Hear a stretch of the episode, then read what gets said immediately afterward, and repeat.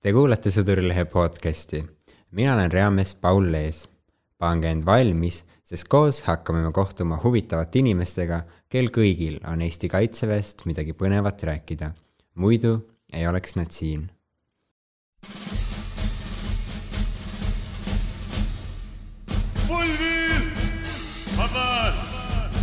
Frenchi krae all pädev sõdur. Sõjalemine jätta. saapaid, ma ütleks viksida iga päev, nad on korrektsed ja vastikukindlad. mehe, kapp on korras. rivi korv. Eestis on ajateenistus kohustuslik kõigile noortele meestele. kui enamus neist naaseb oma tavaellu üheteist või kaheksa kuu pärast, on ka neid, kes valivad riigikaitse oma karjääriks. täna, vabariigi saja kolmanda aastapäeva puhul istub mu vastas mees, kes on teenete redelil riigi heaks päris kõrgele küündinud, kui nii võib öelda.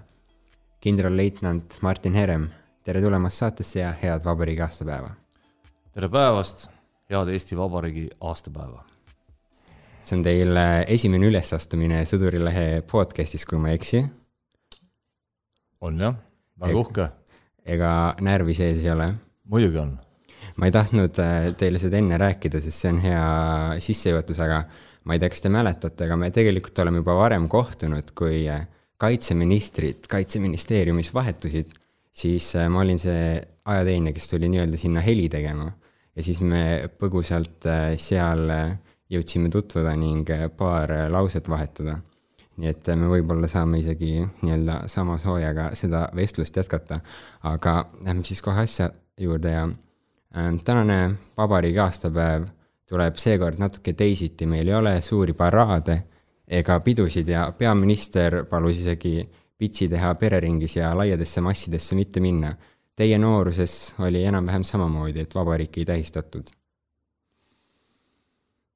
Ei tähistatud, ma arvan, et seda ei tähistatud isegi mitte kuidagimoodi minu perekonnas, kuigi ma arvan, et väga-väga väiksest peale ma teadsin, et on olemas olnud Eesti Vabariik, ütleme siis kuskil kaheksakümmend kolm aastal või isegi varem, kui ma olin seal alla kümne. et ma teadsin, mul vanaisa rääkis sellest ja noh, kodus ikkagi räägiti nendest asjadest, aga vabariigi aastapäeva ei tähistatud. kas te mõtlesite sellele ka palju, et kunagi oli nii-öelda Eesti Vabariik või te olite pigem oma igapäevast lihtsalt? Ja ma muutusin ikka üsna noorest peast juba selliseks äh, vaikseks dissidendiks, et kui, see oli siis, neljas klass, mindi pioneeriks, Leninlik organisatsioon, siis minu klassist mina olin lõpuks ainukene, kes pioneeriks ei läinud poliitilistel põhjustel.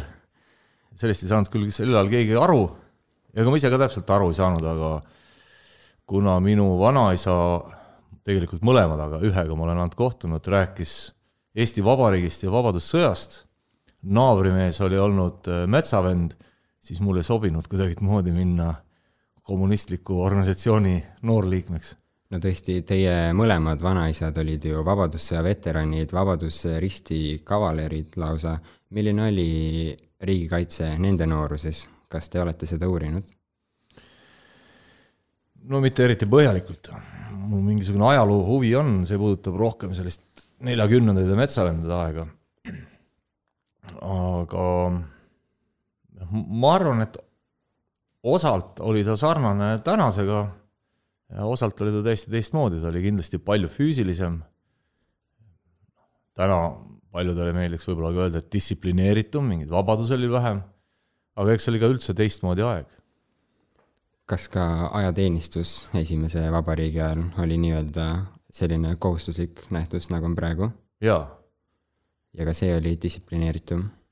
no mida me distsipliini all mõtleme, see selline voodite tegemine, juuste ja habemete ajamine, ühel või teisel moel nurga all kõndimine, mis võib-olla ei olegi kõik just päris distsipliini osa, aga see sel ajal kindlasti oli väljapaistvam. selge. Te astusite üheksakümnendal aastal Kaitseliitu võrdlemisi suure juhuse läbi, kui ma õigesti aru saan. kirjeldage palun seda natukene. see oli ikka päris suur juhus. see oli nii, et äh, organisatsioonid, mis olid tegelikult juba loodud erinevate nimede all, otsisid kohta, kus Eesti NSV-s luua siis Eesti Kaitseliit. Ja suuremates kohtades nad kas ei julgenud seda teha, sest et Nõukogude võim ikkagi hoidis silma peal, või ei lubatud neile, ei antud ruume. ja lõpuks leiti Järvakandi rahvamaja või kultuurimaja ja otsustati seal see nii-öelda loomis, asutamiskoosolek teha ja Järvakandi organiseerijad ajasid kokku noori kutte, keda oli vaja välja autosid valvama, et kommunistid jaole ei saaks või midagi taolist. ja mina olin üks nendest, kes siis sinna kohale ilmus. nii et no ma ei tea, palju see kestis, terve päev.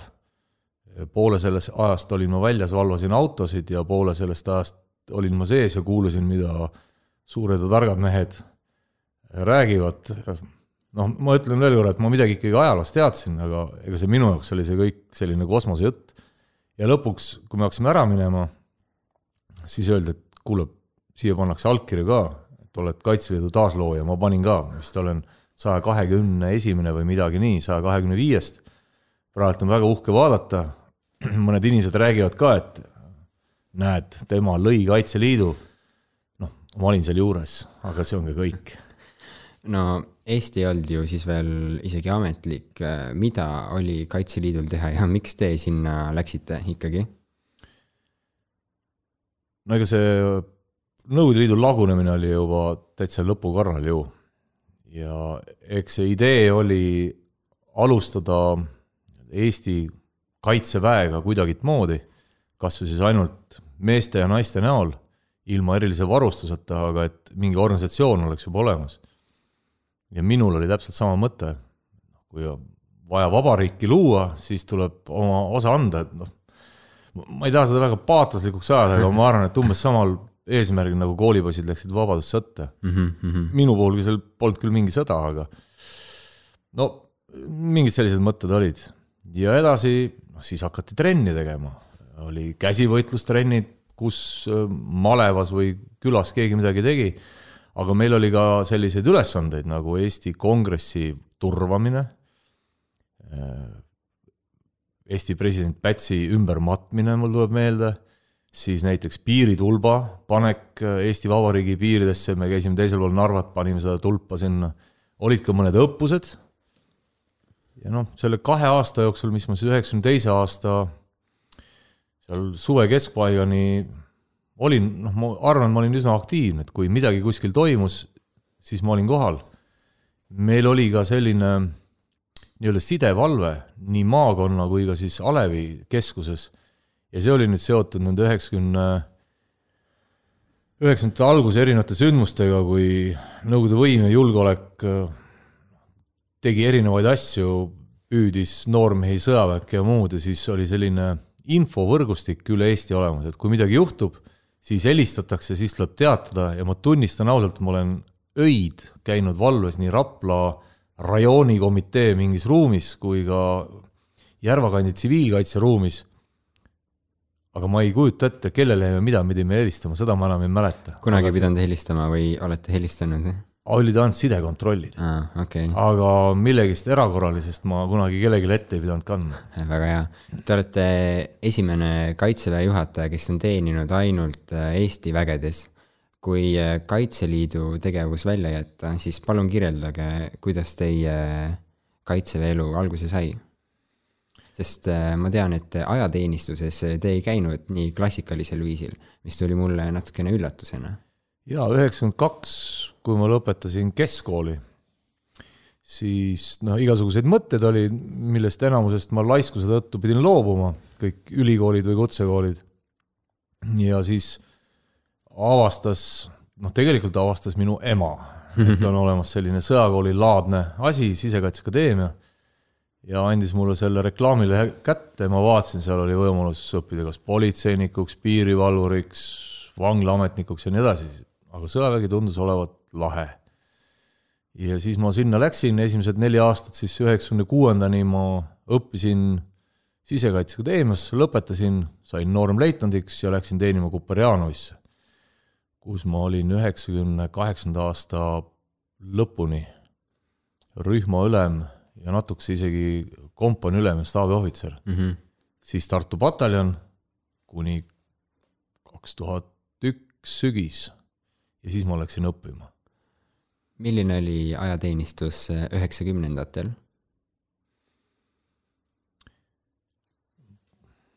ja nüüd äh, millega võrrelda, ma arvan jällegi oli selliseid äh, traditsioonilisi distsipliini elemente kohutavalt palju mm, -hmm. mis justkui tagas ka mingisuguse lahinguvalmiduse, voodi tehtud, äratus siis, mingisugused arulagedad üritused distsipliini püüdmiseks ümber kasarmu joostes, taburette või voodeid käed täis.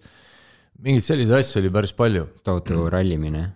rallimine, aga noh, ma kirjeldan, kui ma olin äh, praktikal üheksakümne kolmanda aasta suvel Kuperjanovis siis pärast hommikusööki ütles rühma vanem, vanem seersant ütles, nüüd lähete sinna Kose suunas, seal on mingi metsane ala ja lõunani teete rühm kaitses.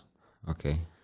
ja me läksime, meil olid BRC kuus kaks neljad, nende kandis kuulata Vikerraadiot ja kõike ja siis me sõime seal mustikaid paar tundi.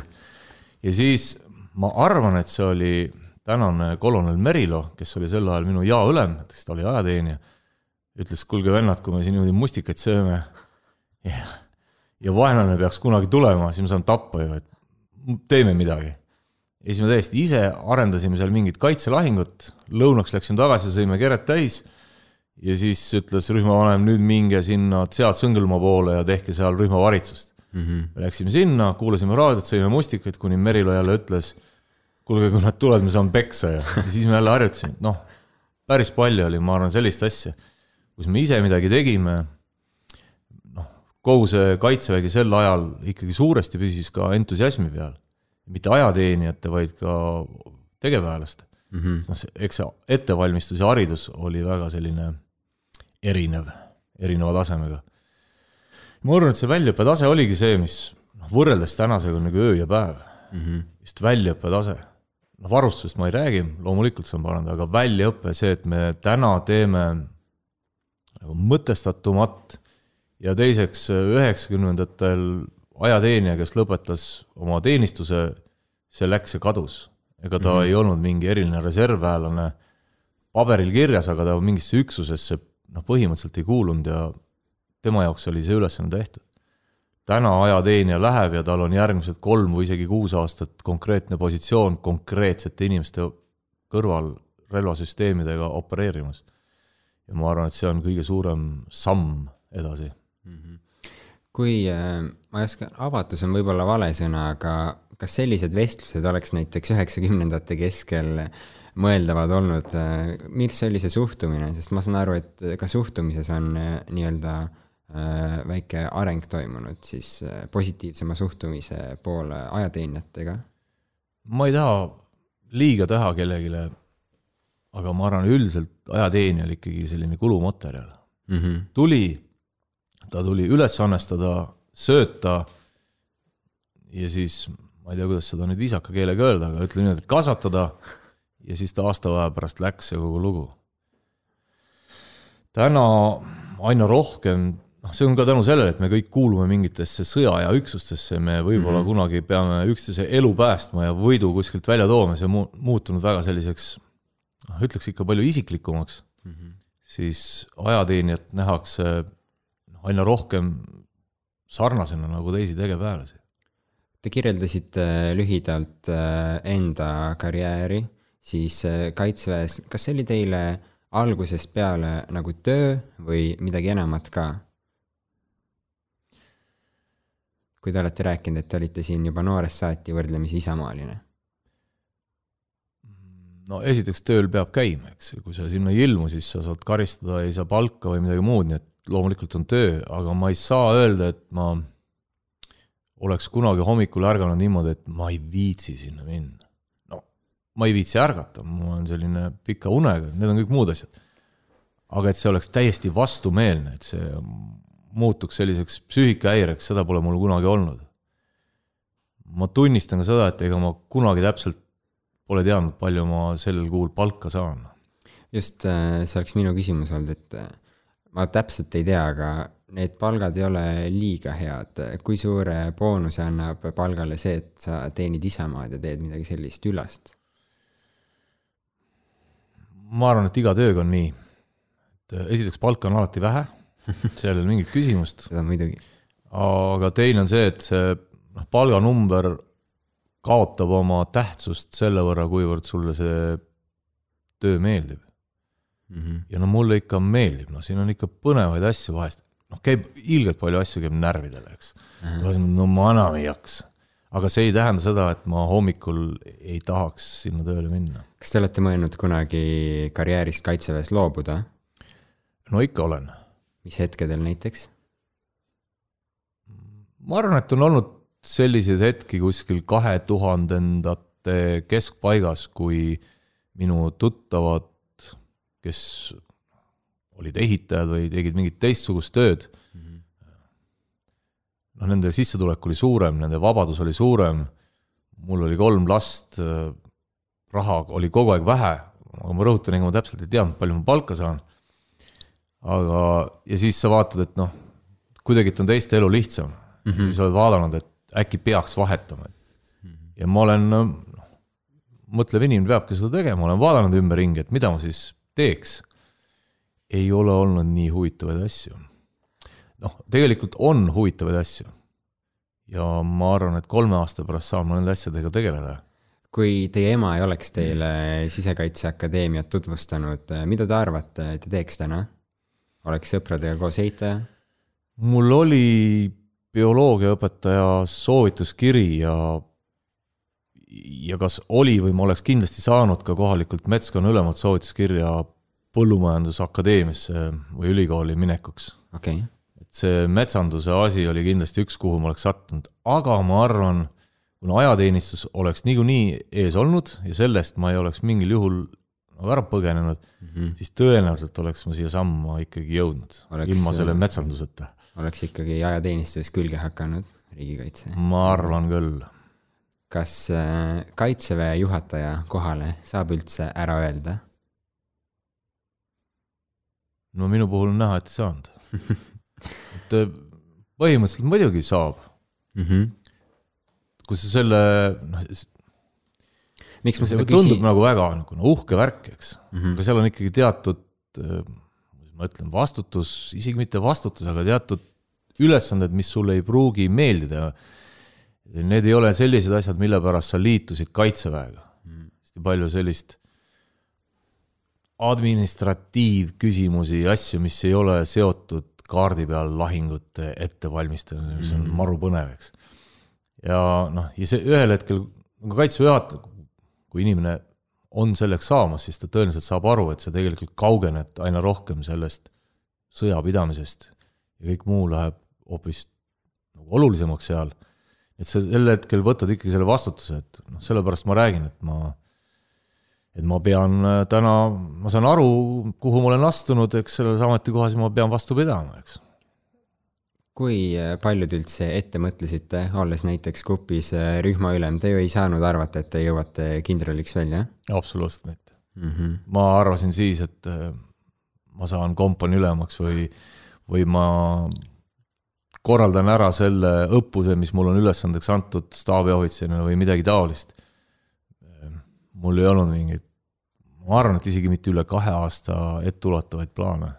ma sukeldusin korraks ERR-i arhiivi ja nägin äh, siis seda salvestust, kuidas kindral Terras neljandal detsembril kaks tuhat kaheksateist äh, Spaleeriga erru astus ja teie siis äh, uue juhatajana oma esimese käskluse andsite. Teil tõmbas ikka näo päris muigele tegelikult, mis tunne see oli? mul tekkis äh, abituse või jõuetuse tunne sel hetkel, kui kindral Terras minema jalutas ja ta läks aina kaugemale.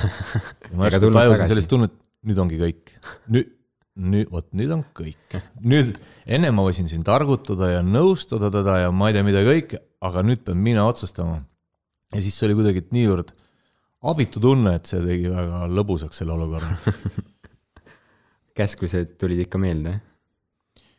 Äh, vist tulid jah. ma arvan, et ma ei teinud seal mingeid vigu. see, see on muuseas üks asi, mis on nende suurte rivistuste juures, et kui kõik laulavad hümni, siis kuskil teise salmi juures sa hakkad äh, lähevad sul sõnad kõik segamini, sest sa juba mõtled nende järgmiste mm -hmm. toimingute ja käskude peale. et ja- jah, ma ütlen selles suhtes on, no mingi hetk sa oled omadega täiesti teises mõttes juba jah. mida on äh, kaitseväe juhataja äh, amet teile inimesena andnud, kui me läheme siis äh, auastmetest ja niimoodi natuke kaugemale?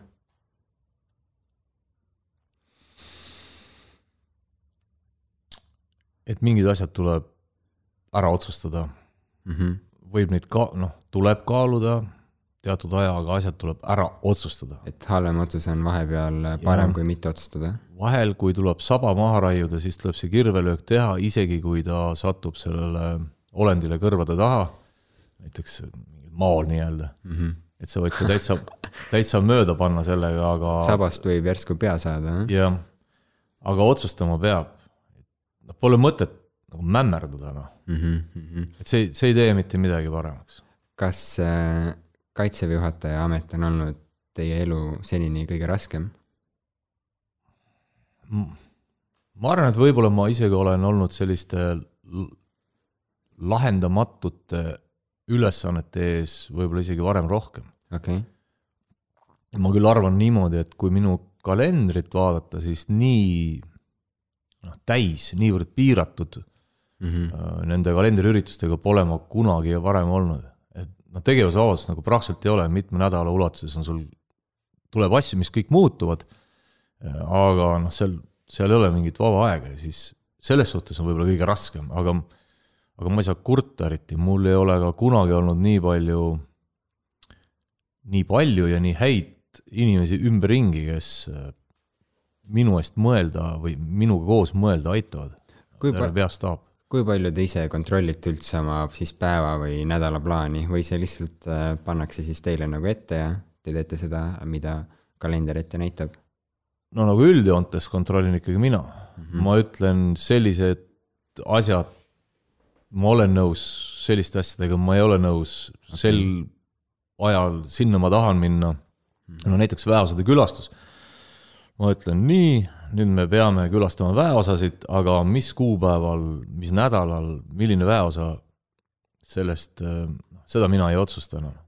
kui, kui mul ei ole mingit erihuvi, siis küll jah, aga üldiselt sellised asjad pannakse minu arust paika. otsustamise juurde tagasi tulles ja selle tähtsuse juurde tagasi tulles, teid kiidetakse väga Padaoru äh, kriisi lahendamise eest, kus siis te põhimõtteliselt ei oodanud äh, ülemalt kinnitust, vaid äh, ikkagi tegite selle otsuse ära. praegu on ka ülemaailmne kriis, kus tihti vaadatakse just juhtidele otsa. ma ei saa küsida, et kas see on lahe, sest lahe on vale sõna, aga põhimõtteliselt sellepärast oletegi ju teie praegu juht, et te peate sellega hakkama saama. Kõigepealt sel ajal, eks mul oli mingi tegevusvabadus algselt juba olemas okei, ja kuna, kuigi me eelmisel päeval räägitakse sellest mingist tähtsast otsusest, tegelikult see oli mitu päeva otsuseid ja eelmisel päeval me juba toetasime Päästeametit. Mhm. ja kui reedese päeva hommikul helistas mulle äh, päästekeskuse ülem, kellega me olime varem koos tööd teinud ja kriisikomisjonides või staapides töötanud ja ütles, et Padaorus on öö läbi olnud ähm, suurusjärgus nelisada, viissada inimest lumevangis. Nad seal võivad külmuda, et nad võivad ära lämbuda heitegaasidesse, mis sinna lume sisse jäävad. siis ma küsisin, et ütle mulle ausalt, kui sitt olukord on? Mhm. ja ta ütles väga sitt. noh, pärast seda ei ole mingit raskust otsustada ju. et see, seal ei ole mingit minu julgust, kui öeldakse, et inimesed võivad ära surra, noh siis sa lihtsalt kasutad neid ressursse, mis sul on ähm,. praegu, praegu peab ka raskeid otsuseid tegema, mis äh, minusuguste reameeste seas ei pruugi kõige populaarsemad olla. jaa, vot noh, nüüd me jõuame selle, ma arvan, et juhid peavad ikkagi nautima seda riski, Mhm. et selles suhtes on ikkagi lahe. see võib-olla tundub mingi küüniline või täiesti arulage, aga ei, see on arusaadav. aga sa, kui sa seda ei naudi, et sa teed täna otsuse ja sa võid nagu täiesti ämbrisse panna, Mhm. siis äh, kui sellist pinget ei ole, siis sa homme oma õiget otsust ja tulemust noh, mitte mingil juhul sa ei tunne mitte midagi. ja kui neid positiivseid otsuseid on rohkem, siis sa oled ka, noh järelikult oled sa parem otsustaja, kes sa julged ka otsustada, et see, see tegelikult on ikkagi mingisugune lahe värk. Mul oleks järgmine küsimus, et äh, kas üleval nii-öelda siis äh, üksi igav ei hakka, aga ma saan aru, et ei hakka. no üleval oled sa alati üksi mm. -hmm. sul võivad olla lähedal ükskõik kui head kaaslased või lausa sõbrad, aga sa oled tegelikult üksi, sest sa ühel hetkel, no minul vähemalt on nii, okei, et sa ei saa aru, noh, teeme nii ja teeme nii. ja vahest ei ole ma kindel, et kas, kas nad lohutavad mind nii või kas ma ikka teen õigesti ja siis vot need on need hetked, kui sa kõhkled või mitte isegi mitte ei kõhkle, vaid, vaid kas arutled või põed pärast ja siis sa oled täiesti üksi, sul, no sul ei ole põhimõtteliselt kellegagi seda arutada. ja ma arvan, et see on täiesti normaalne, okei, kuni sa ei satu sellest, ma ei tea, depressiooni näiteks. Mhm. et sinnamaale see on kõik väga normaalne, aga ma ütlen, et üleval oled sa ikkagi üksinda. Te mainisite, et üleval on ka väga palju seda paberitööd ja nii-öelda metsast ja reaalsest sõjaplaanist jääb kaugele. mul on siin alt üks äh, peamisi küsimusi ajateenijatele metsalaagrite kohta, mis paneb muigama. kas teile meeldib metsas olla? urr, külm ja märg ja. aga ma käin matkadel vahest, okei okay., noh, mul lihtsalt töö tõttu ma, kui ma lähen vaatama lahinglaskmist, hea küll, kindral saabus, eks päris lakkingad jalas ei ole, aga no- noh, see on selline ajutine värk, mm. -hmm. seal naudid hoopis teisi asju. ja ma arvan, on ka see, kui sa vabatahtlikult lähed äh, nii-öelda metsalaagrisse või siis käsukorras, nagu teeb ajateenija või, või isegi rühma ülemana sa pead seda tegema. jah, aga üldiselt neid õppuseid kunagi ammu ma ikkagi nautisin, seal oli, seal oli väga palju ägedaid asju. ja eelkõige ongi see, räägime üksusega või sõjaväelasena või kaitseväelasena metsas siis tavaliselt seotud mingi ülesandega, et sa saad sellega mm. -hmm. hakkama, ei saa sellega hakkama, paned midagi kõrva taha, ahah, järgmine kord teeme nii, et see on, noh jällegi see kõik on lahe. aga üldiselt ma pean tunnistama, et äh, eestlane ütleb mitte vabas looduses, aga metsas ja peab sille, selle all silmas noh, nii raba kui ma ei tea, mereäärt ja kõike muud, siis mulle meeldib seal olla. Okei okay.. üks äh, soovitus, kuna te ikkagi olete metsalaagrid rohkem teinud kui praegused ajateenijad, üks soovitus metsa, ärge öelge, et peab Snickersit varuma endale, kuidas mugavamaks teha endale metsalaagrit. vot see mugav on see, mida, mida ma nüüd ütlen, et käituge mu sõnade, mitte mu tegude järgi. okay., see on distsipliin. see on tegelikult üsna lihtne, et need asjad, mis on õpetatud, see, see hakkama saamine metsas eriti, noh, mida külmem on, aga, aga ka soojal ajal. see sõltub palju sellest, kui palju inimene peab kinni sellest distsipliinist. mm. -hmm.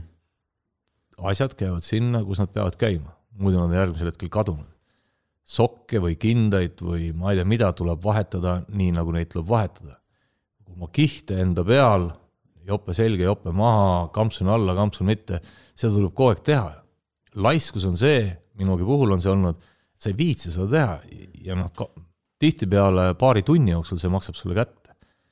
ja vot see distsipliin ongi, et kui on öeldud, et sellisel hetkel tasub jope pealt ära võtta ja sellisel hetkel tagasi panna mm, -hmm. need on need soovitused. ja siis läheb kõik hästi. läbi proovitud juba eelnevalt, eks ole.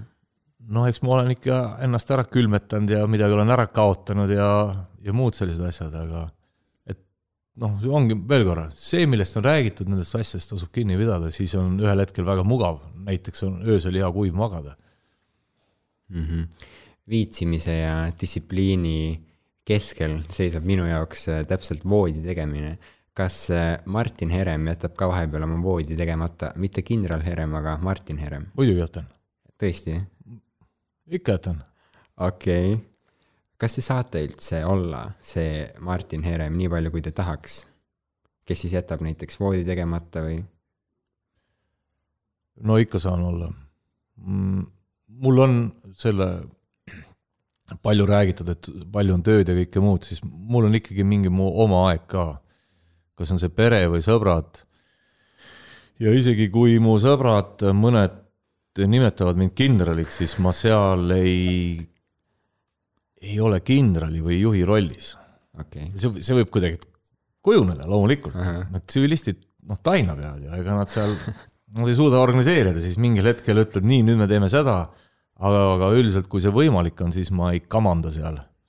ja siis ma olen äh, Martin Herem, kellel meeldib teha hoopis võib-olla teistsuguseid ja pehmemaid, pehmemaid asju või kas nad just pehmemad on, noh. Aga teistsuguseid asju ka kas teid üldse näiteks tunta, tuntakse linna peal ära, kui te käite? ja tullakse rääkima, mida iganes, no kuulsustega nii-öelda tahetakse ikka mingit pilti teha, midagi sellist. nii ja naa. mõni tunneb ja mõni hakkab rääkima, et oo, sul mingi, sa oled kaitseliitlane või kaitseväelane või? jah, aa, oled siis ka kõrge koha peal või? noh, pole mõnel inimesel õrna aimugi, kes ma olen. Ja no seda ei juhtu üldsegi mitte harva. Mm -hmm. aga noh, okei okay,, tuttavad, aga, aga ma ei tea, viimane kord vist oli aasta aega tagasi Tondi Selverist tuli üks inimene minu juurde, ütles, kas teie käite ilma ihukaitseta? et noh, tema järelikult tundis mu ära, jah. Mm -hmm. mida kardab Martin Herem? Ma arvan, et äh, nagu keskmine inimene, ma ei saa öelda, mul on mingit sellist foobiat, et ma kangestuks Mm -hmm. aga noh, ma ei tea, kõrgust, madu, igasuguseid asju, kõige rohkem ma kardan just nimelt seda, et ma laiskuse tõttu jätan asju tegemata, et see on mul nagu pidev hirm ja sellel on mingi põhjus ka loomulikult.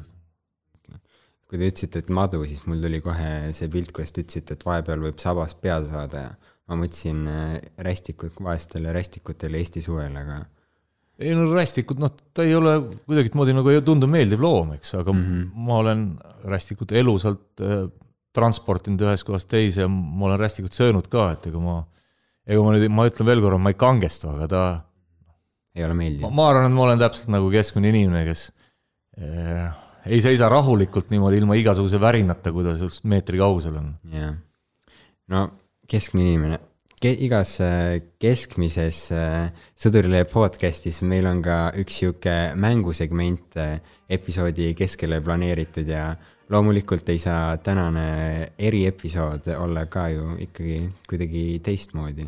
see lause ei olnud küll praegu väga loogiline, aga ühesõnaga, kuna te olete ikkagi kaitseväe juhataja, peaks te ju läbi ja lõhki tundma Eesti kaitseväge ning et see episood on ka see niimoodi üles filmitud, see peab olema visuaalne, ehk siis ma tahan, et te joonistaksite siia ühe äh, kaitseväe väeosa embleemi mingi kindla ajaga, näiteks viie minutiga, ma arvan, see on hea. mis te arvate, kas te saate hakkama? ma arvan küll, väga hea, aga kuidas oleks näiteks, kas te tahate mul on vaja ainult musta pliiatsit, ainult musta? loomulikult. Okei okay,, selge, aga näiteks äh, ma palun teil äh, joonistada pioneeripataljoni embleem ja ma proovin ise ka, siis me võime võistelda, kumb teeb paremini seda. ma joonistan mingi muu. ja senikaua on mul ka, et kuna kaitseväe juhataja peab ju olema ka väga hea multitaskija, rööprähkleja ikkagi, vabariigi sünnipäev, siis äh, mul on teile ka paar äh, sellist äh, kõrvaltegevust välja mõeldud Need on siis anagrammid, mis siis tähendab, et äh, kas teate, mis anagramm on? ja, ja nii, ja siis äh, te peate siis samal ajal joonistama ning äh, arvama ära anagramme, mida ma teile ette loen. samal ajal. jah, no võiks ju proovida. nüüd on probleem, ma arvasin alguses, et ma saan joonistada Kuperjanovi embleemi, sest joonistada ma ei oska. Ja kuidas ma nüüd need pioneeride lõvid sinna müüri peale panen? ma ei oska öelda, no proovime. ma tegelikult tahtsin üldse kontrollida, kas te teate, et seal on pioneeri, et seal on lõvi ja müürid, aga tundub, et teate no ikka tean, väga hea, no siis proovime, aeg läks käima nüüd. kuidas on, mis te arvate, kes võiks olla soodne Ann anagrammina soodne Ann. mm? -hmm. Te peate joonistama ka samal ajal, muidu te jääte aja hätta. ma ei tea, mul tuleb praegu pähe doosiga, ma ei tea. See on, ma võin öelda, üks teie võib-olla sihuke ainukene Eestis peaaegu nagu kaitseväe juhataja, aga mitte päris. tema ametikoht on ka üks Eestis. see on üks veebel. soodne Ann. ma naeran oma lõvisid praegu. okei, okei, okei, selge. see on äh, Enn Adosoni, mõtlesin ma. jah, aga ma juba mõtlesin, aga ma ei saanud seda nime mitte kuidagimoodi soodne, no see vist N Ados. eks see kuidagi sealt okay. ikka tuleb, aga näiteks järgmine on äh, keldris äh, Rein, mida te arvate, kes see võiks olla? keldris Rein, see võiks olla Indrek Sirele. aa just, suurepärane, väga õige. mul see pilt ka valmis, et ah,. valmis, teeme siis viimase, lähme, täna tuleb kiirem mäng äh,. näiteks äh, suhkruvara. jah, just nii, suhkruvara. suhkruvara. ei tea. see on äh, loomulikult keegi muu kui härra, mitte härra, vaid äh, kolonel Vahur Karus. just nii, aga näidake siis äh, kaamerale oma võima-, siis peaks olema, aitäh. siis peaks olema pioneeri pataljoni äh, embleem. Kallid vaatajad või kuulajad ja ma proovisin ise ka, ma joonistasin äh, tankitõrjekompanii. minu arust on päris hea see on kahtlemata ebaaus. ei, miks ebaaus? aga vahepeal ongi ju, räägitakse elu natukene ebaaus. no nii ta on. Aga joonistamises ma olengi kehva. no ühesõnaga, aga igal juhul teie väärikate ponnistuste eest on Sõdurilehe toimetusel teile mängus osalemise eest kingiks anda üks Sõdurilehe kruus. see on sihuke äh, väikse nipiga kruus, et see muudab äh, värvi, kui ta kuuma vette panna, ehk siis näiteks teed juua. aga ma arvan, et tuleb kasuks, võite kasvõi vildikaid seal joonistamise harjut-, harjutamiseks hoida või midagi sellist selge, aitäh. aga nüüd natukene tõsistematele teemadele tagasi tulles, et äh, meil on Eestis ajateenistus kõigile kohustuslik, meil ei ole äh, nii-öelda siis äh, palgaarmee, miks on äh, reservarmee Eestile parem valik? ühest küljest äh, reservarmee annab võimaluse ajahetkel X, kui seda on vaja, panna kokku suurema arvu ela, elavjõuga vägi. Mm -hmm. kui neid kõiki hoida igapäevaselt palgal, siis lihtsalt see sõjavägi oleks väiksem. Nüüd mina arvan, et läbi ajateenistuse, mida rohkem kodanikke selles osaleb või mida rohkem kodanikke on läbi oma lähedaste ajateenistusega seotud, seda rohkem tunnevad nad oma riiki kui oma riiki. Mm -hmm. Nad on seotud selle, selle riigiga, mis meil tavaliselt kodanikuna on, eks keegi võtab mingeid makse Mm -hmm. ja siis ma käin valimistel ja siis äh, see, kuidas maksud mulle tagasi tulevad korras teedena või haridusena, see on juba arusaamatu. Ja siis küsitakse, mis kuradi asi see riik on, eks. ma arvan, et ajateenistus on selline koht, kus riigi kodanik osaleb riigi tegemises või ehitamises. Mm -hmm. et sellepärast on riigikaitse jaoks, kui noh, kodanike psühholoogiline kaitse või riigi kodanikuks olemine, tänu selle, noh, sellepärast on ajateenistus, ma arvan, õige lahendus. kui me oleksime sada miljonit äh, rahvas ja me suudaksime sellest panna mingisuguse ägeda armee kokku, siis võib-olla, et ei oleks vaja, siis võib-olla see rahvamass juba ise Mm -hmm. ületaks mingisuguse kriitilise massi ja noh, meil lihtsalt oleks riik. aga väikesel riigil on sellist, kummalisel kombel sellist kokkuhoidmist palju rohkem vaja. ma ei ütle samas, et lätlased on valet teed mööda läinud või lätlastel on nii-öelda elukutseline, aga nendel on ka seesama Semmersaatse või, või Kaitseliidu sarnane rahvuskaart mm, -hmm. siis see teeb sama töö ära. aga noh, jällegi, kui vaadata näiteks Soomet, mul on tunne, aga ka Rootsit või ka Norrat, siis see ühiskond on äh, minu meelest väga tugev. kui on mingisugune jama, siis see ühiskond suudab ühte jalga käia väga kiiresti. ja see tuleb sellest, et suur hulk kodanikke, näiteks kõik meesterahvad või, või siis Norras praegult äh, noh, ei võeta küll kõiki, aga ka palju, palju naisterahvaid, nad on midagi selle riigi jaoks teinud. Nad on ise seda riiki teinud ja nüüd, kui pead, kui ühiskond või kodanikud peavad riigina käituma, siis see tuleb nendel lihtsamalt välja. see on kas siis ametiasutuste vaheline koostöö või veel kord lihtsalt ma ei tea, koroonapiirangute jälgimine Mm -hmm. tundub, et nendel on see mõnes mõttes kuidagi lihtsam, nad kuidagi kuulavad seda otsust, saavad sellest paremini aru ja hülgavad nii-öelda need isiklikud huvid ja vabadused ja õigused palju kergemini. minu arvates ajateenistus on üks selline asi, mis seda ka arendab. millal peaks ajateenistusse tulema? siis, kui kodanikule see sobib. aga tundub kõige normaalsem olevat pärast seda, kui see üldhariduskool on läbi mm -hmm.. okei okay., kes peaks tulema? no ma arvan, et kõik meessoost Eesti kodanikud, kes äh, tervislikult sobivad. ja siis kõik need naisterahvad, kes arvavad, et nad võiksid teenida tegevväelasena. et siis see on väga mõistlik. Nüüd need, kes tahavad ennast proovile panna, siis noh, on alternatiivseid asju ka. ma seda mm -hmm. väga ei populariseeri. okay. veel kord, mul ei ole mitte midagi vastu, naisajateenijate vastu või mm -hmm. naistegevväelaste vastu, ma pigem kutsun neid. aga sellist eneseproovile panekut, no näiteks kodutütares siis? jaa, noh, seal seda kõike saab ka teha. Mis on teie suhtumine alternatiivajateenistusse?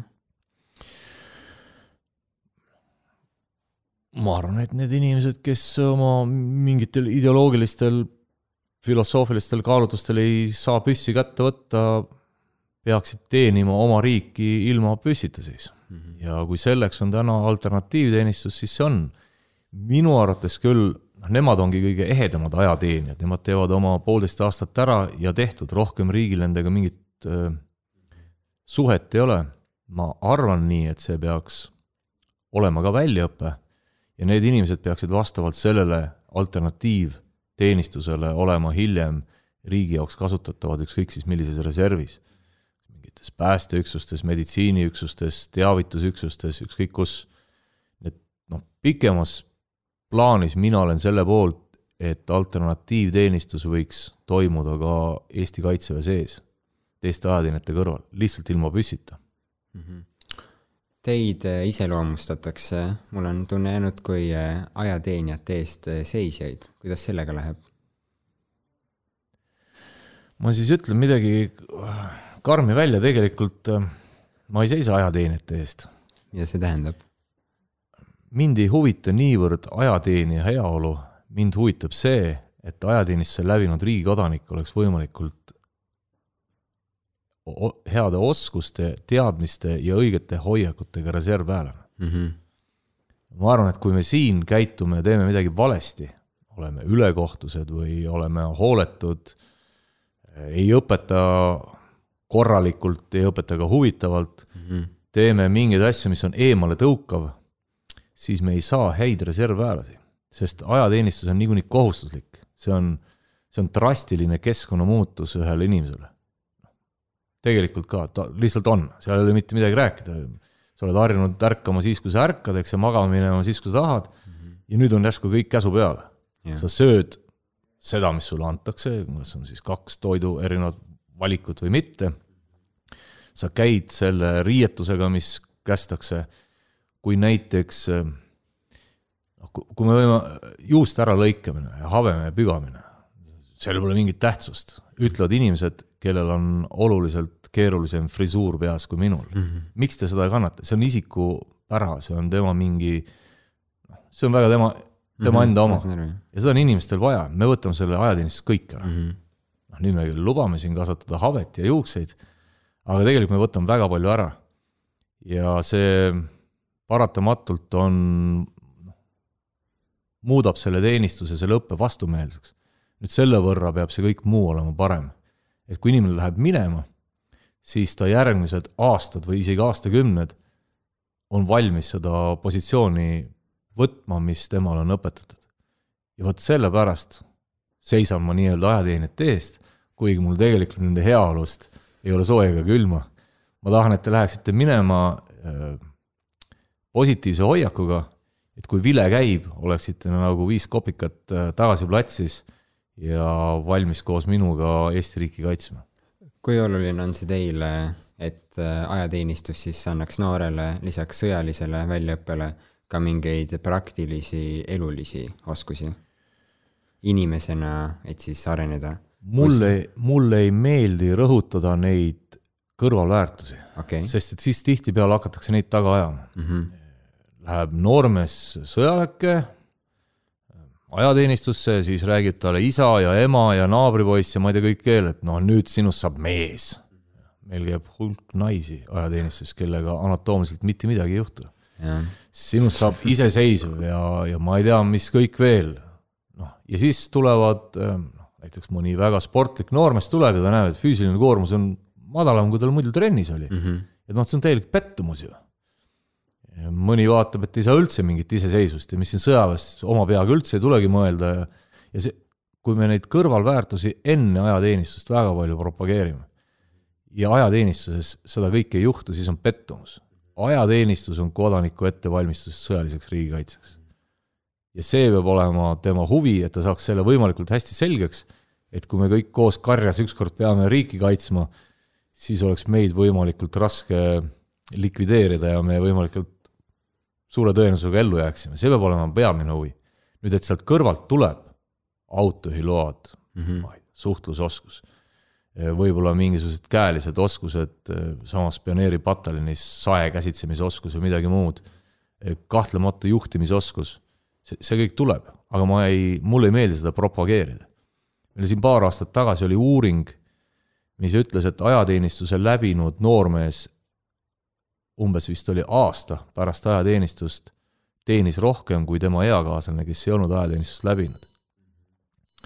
minu meelest on see, see ütleb ju ise ära, et mingisugused omadused, oskused sealt tulevad ja ma muidugi ka praegu ka propageerisin seda, aga ma ütlen, et jah, seda ei tohi kuidagi üle tähtsustada, sest et siis tuleb pettumus. jah. kui tähtis on äh, hea kuvand äh, kaitseväest teile? nii-öelda, noh näiteks ma toon näite, et kui äh, äh, korvpallimeeskond kandis sinist digimustrit, olite te sellega väga rahul? kas sihuke hea kuvand on viis nelja tuhande ajateenijani?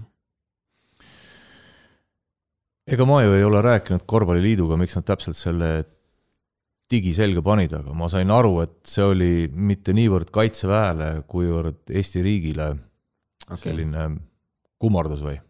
selge.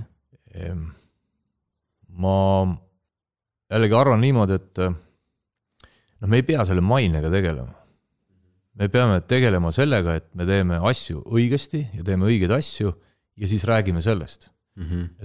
minu jaoks mainekujundus on selline teisejärguline, et ega meie, ma vaatan seda meie strateegilise kommunikatsiooni tegevust, siis väga paljud ütlevad, no kuulge, vaadake, no Youtube'is pole mingeid action videosid, tehke selliseid asju, saltod ette ja plahvatus taga ja kõiksugused asjad, nad ei tee seda eriti mm. -hmm.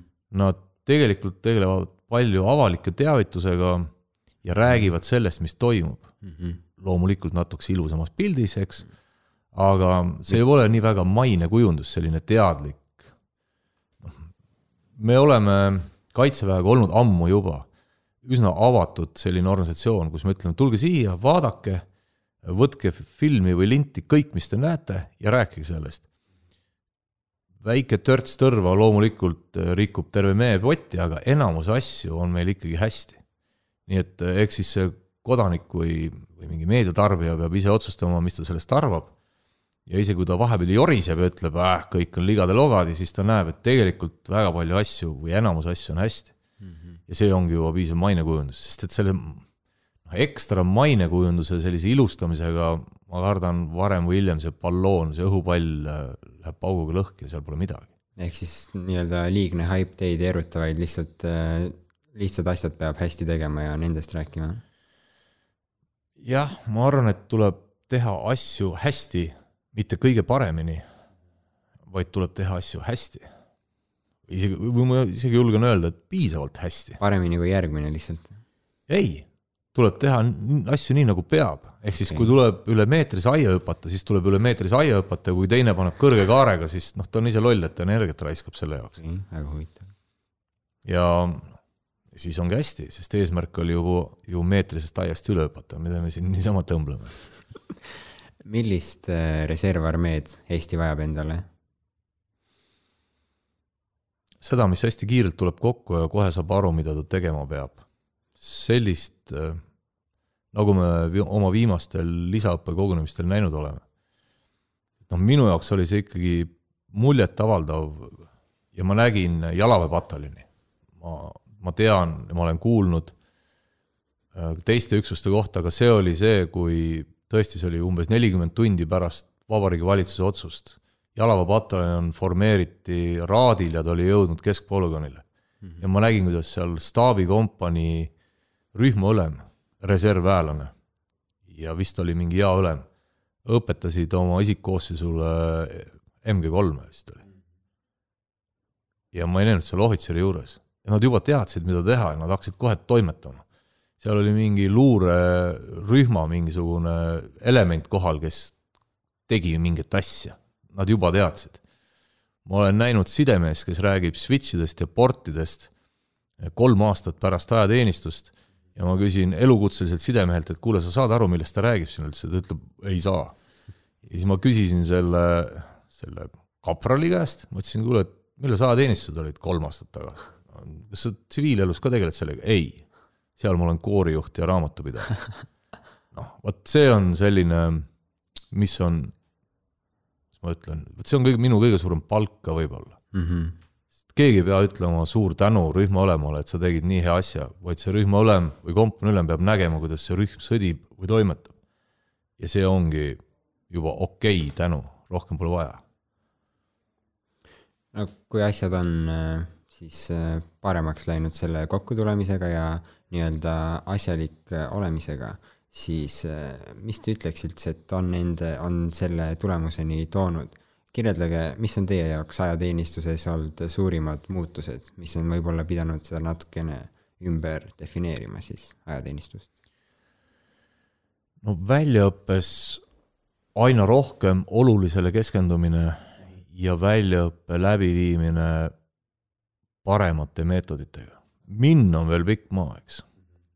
aga see, kuidas me väljaõpet läbi viime täna, ma arvan, et meil on hullud võimalused veel kasutada kõiki nutiseadmeid, mis on igalühel taskus ja kõike muud. kui te ütlesite, minna on pikk maa, mida see tähendab või mille järgi te vaatate seda?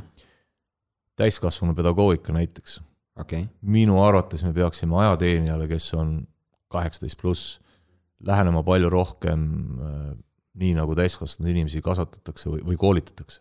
aga noh, ka ülikoolid on sellega jännis. siis noh, loeng, drill üksikisikule võib-olla ei ole kõige mõistlikum, noh mingid asjad kaitseväes, loomulikult drillid on tähtsad. aga selline äh, räige kontrolli all millegi õppimine täiskasvanud inimesel ei ole mõistlik, asjade pähe õppimine, neid tuleb omandada, mitte kellelegi õpetada. ja siin, need on niisugused filosoofia küsimused juba. Selleks me peame ajateenijat rohkem usaldama. ehk siis niipea, kui jaoülem saab oma jao kätte, peaks ta võimalikult palju oma jagu ka juhtima ja õpetama. sest ta kogu aeg areneb ja kasvab sellega ja see jagu tegelikult temaga koos ka. ja siis juba rühmaülemaga ja nii edasi seda on palju lihtsam siin rääkida, kui seda tegelikult äh, teha. ma arvan, et äh, igasugused tänapäeva nutiseadmed võiksid olla need, mis äh, aitavad paremini hakkama saada. Aga noh, seal ühel hetkel tekivad ka jällegi igasugused äh, turvaliselt. julgeoleku või turvariskid, eks ole. aga neid vahendeid on päris palju. kui hea on tänane päev tegevteenijaks jääda teie silmis? sellepärast, et näiteks äh, pension ju kaotati ära, kui ma ei eksi. ja nendel, kes nüüd liituvad, nendel seda eripensioni hetkeseisuga ei ole. me küll äh, üritame mingisuguseid nii-öelda teenistusest väljumisega kaasnevaid äh, kompensatsiooni või toetusvorme tagasi tuua, aga sellega läheb aega. ma arvan, et tänasel teenistusel pole häda midagi. kui me üritame hoida kolmkümmend protsenti riigi keskmisest äh, Eesti Kaitseväes palka kõrgemal mm, -hmm. siis see on üks näitaja võrreldes mõne teise sektoriga sinu täiendusõpe on praktiliselt tagatud. kindel palk, kui sa ikka noh, täitsa lohe ei ole või puruloll, siis, siis sellega on kõik okei okay,, eks. ei saa lubada seda, et kõik saavad kuskile väga kõrgele positsioonile ja ma ütlen veel kord, et tuleb täita oma ülesandeid, mitte teha karjääri. mis on raske ja mida tõenäoliselt me ei saagi lõpuni pehmendada, on see nii-öelda rotatsioon, kus sa, kuna, kuna kaitseväes ikkagi, ja see ei ole mitte rotatsioon rotatsiooni pärast, vaid kui kaitseväe juhataja paari aasta pärast läheb ära reservi, siis tuleb tema asemele keegi ja kõik need kohad hakkavad liikuma ja see koht, mis nüüd vabaneb ja kuhu sind on vaja, ei pruugi olla samas Viru pataljonis või võib-olla hoopis Võrus, kus sa väga hästi sobid. nüüd see ümberliikumine, ümberpaiknemine koos perega on väga valulik. noh, ma tean seda omast käest ja siin peavad inimesed tegema otsused. Mis on keeruline seletada, on see, et kui inimesed liituvad kaitseväega, siis nad seda kõike teavad.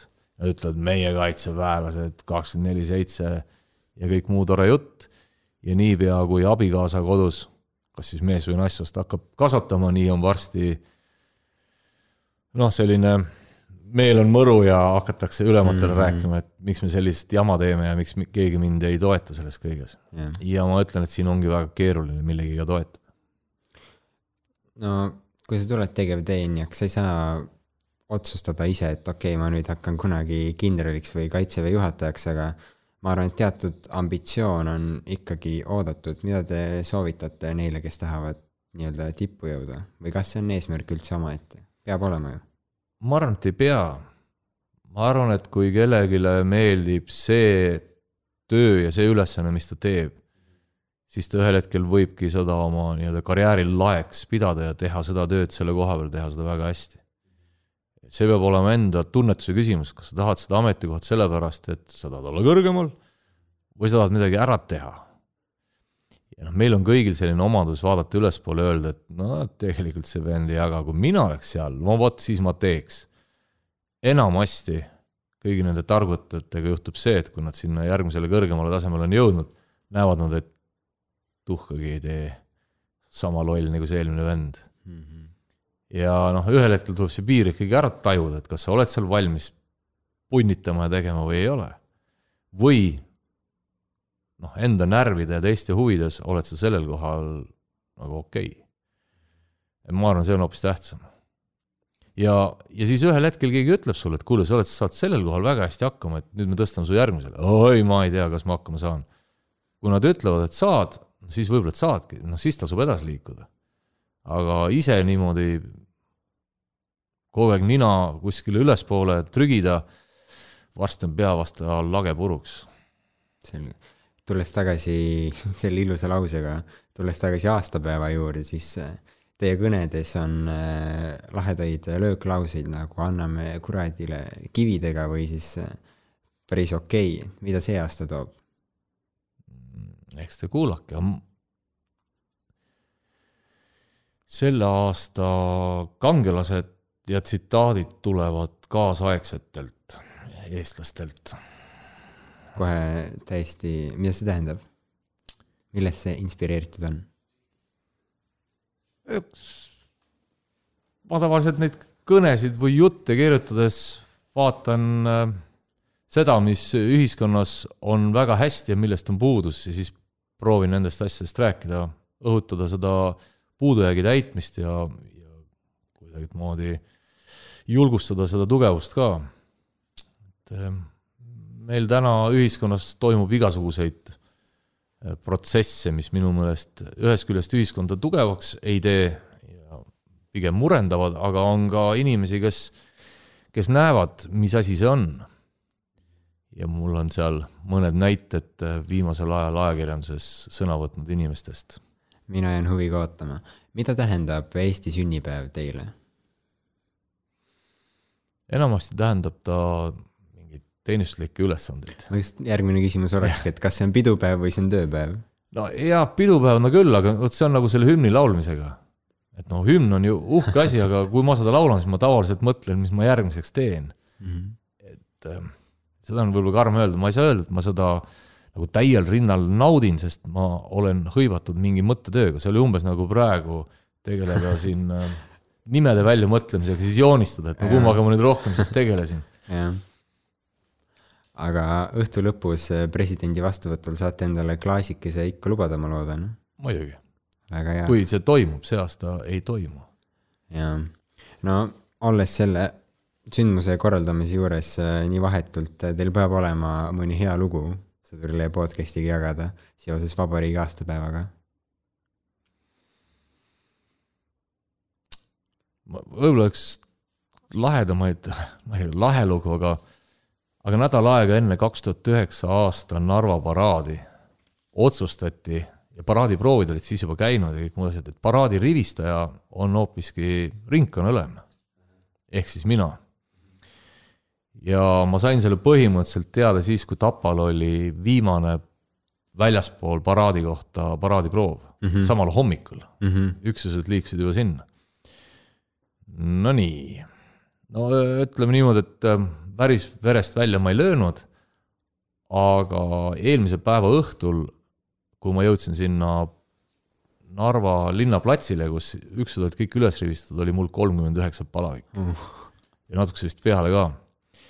Nii et see proov, ma tean täpselt, kui üksused tegid ära esimese ringi, teisest ringist ma väga palju ei mäleta. ja siis ma tean, ma kandsin kindral Laanatsale ette, et äh, nii, kas soovite veel kolmandat ringi või mida. ja ta ütles, et ei, kõik on hästi, mine magama. ja järgmine hommik oli mul mingi kolmkümmend seitse midagi palavik. aga mul oli hullult rahulik olla. ehk siis ma olin nii zombi, noh, kahtlemata mingi ärevus. sa pead seal kõnet pidama aga, aga ka rivistajana, noh, sa pead ju neid käske andma ja sa pead ette kandma ja numbreid, nii palju autosid, nii palju mehi. no sul on ikka mingisugune ärevus sees. selle kolmekümne seitsme, seitsme või ma ei mäleta, midagi niimoodi, mis see palavik mul alles oli jäänud ja ma öö läbi olin ainult higistanud, ega ma maganud, ma olin suhteliselt zombi. ja mul oli, inetu öelda, mul oli natuke nagu ükskõik, mis ümberringi toimub saaks juba tehtud jah, ei, ma ei, nagu ei kiirustanud, ma lihtsalt olin seal ja ma tegin oma asjad ära ja, ja ma ei tea, et ma oleks midagi väga valesti teinud, keegi pole mulle öelnud midagi. et mul oli selles suhtes seal väga rahulik olla tänu sellele, et ma olin täitsa kutu. võib-olla selline lugu. kui kaua te veel ametis olete, öelge palun uuesti. kolm aastat äh, on, kaitsejuhataja on viis aastat, kaks on oldud, kolm on siis veel mida te veel plaanite ära teha? ma ei oska öelda, kas see on õige küsimus, aga mis on teie kolme aasta plaan? kaitseväes jah, no kõigepealt tuleb hoida seda valmidust. see on suuresti samaväärne ülesanne, nagu oli eelmisel ja ka üle-eelmisel kaitsejuhatajal, kes olid saavutanud mingite üksuste valmiduse ja pidid seda nüüd hoidma. Ma arvan, see on number üks.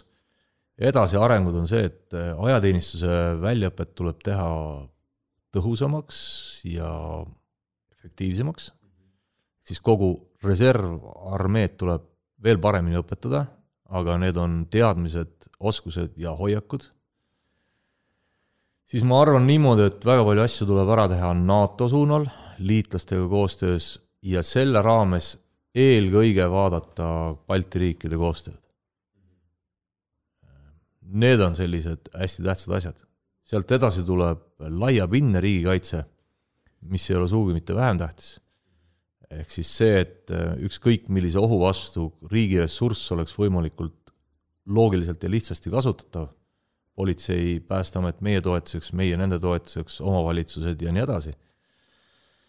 ja noh, siis kuskil seal äh, kohe järjest, kui me läheme detailsemaks, on muidugi meri. Sest ma arvan, et merel me oleme täna liiga nõrgad ja ma arvan, et meie vastase nõrkus on ka merel, me peaksime seal rohkem pingutama.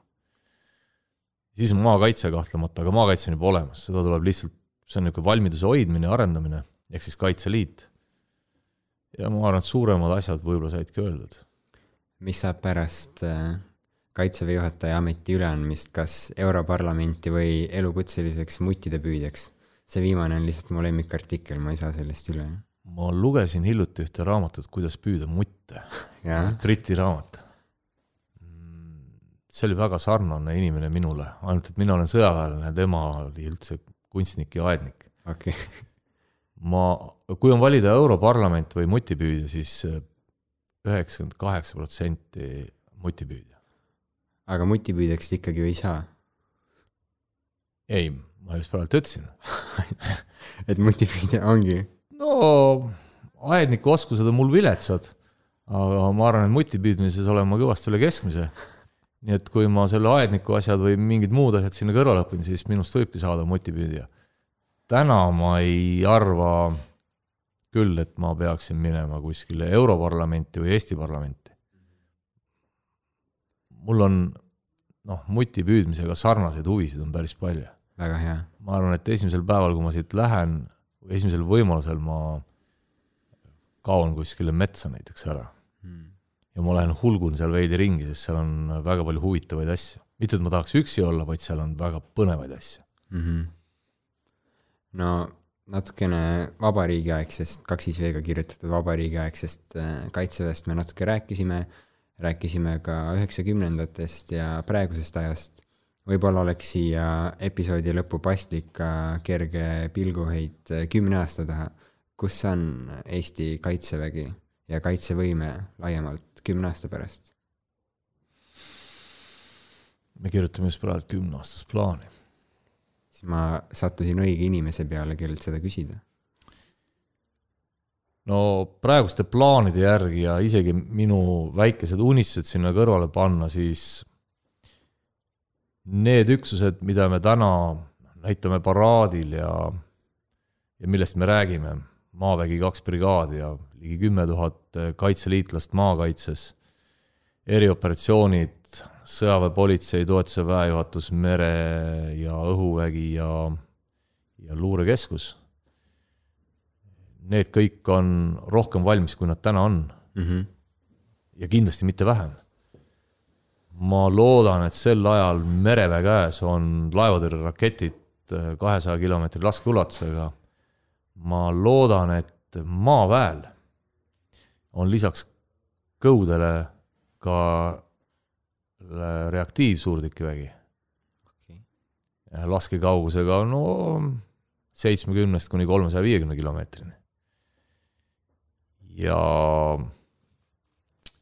ma loodan, et Kaitseliit oma mitte relva käes hoidva isikkoosseisuga on selleks ajaks loonud sellise väga hästi tegutseva toetava võrgustiku vaatluse, toitlustuse, majutuse, transpordi, pioneeriasjanduse ja kõige sellise näol. Ja üldiselt äh, kodanike motivatsioon on veel parem, kui see on täna, nii reservväelaste kui, kui ka lihtkodanike. meie aegkindral Martin Heremiga on ümber saanud. härra kindral, aitäh teile Sõdurilehe podcasti tulemast ja veel kord head vabariigi aastapäeva. võtke heaks ja head vabariigi aastapäeva sõdurilehe podcasti tõin teieni mina, reamees Paul Lees, aga muidugi on osalema oodatud kõik, kui teil, hea vaataja või kuulaja, on mõni huvitav teema või külaline, kellega me võiks rääkida, andke sellest Youtube'i kommentaaridesse teada. seni aga jälgige meie tegemisi Sõdurilehe nime all Facebookis ning Youtube'is, Instagramis oleme me leitavad at kaitsevägi.edf. kas te jälgite mingit sotsiaalmeediakanalit? väga-väga vähe, mul ei ole isegi oma kontot kuskil. Mõnes foorumis ma olen osaleja, aga, aga see on ka kõik. no selge, aga siis vaatajad ja kuulajad, palun te osalege rohkem. järgmise episoodini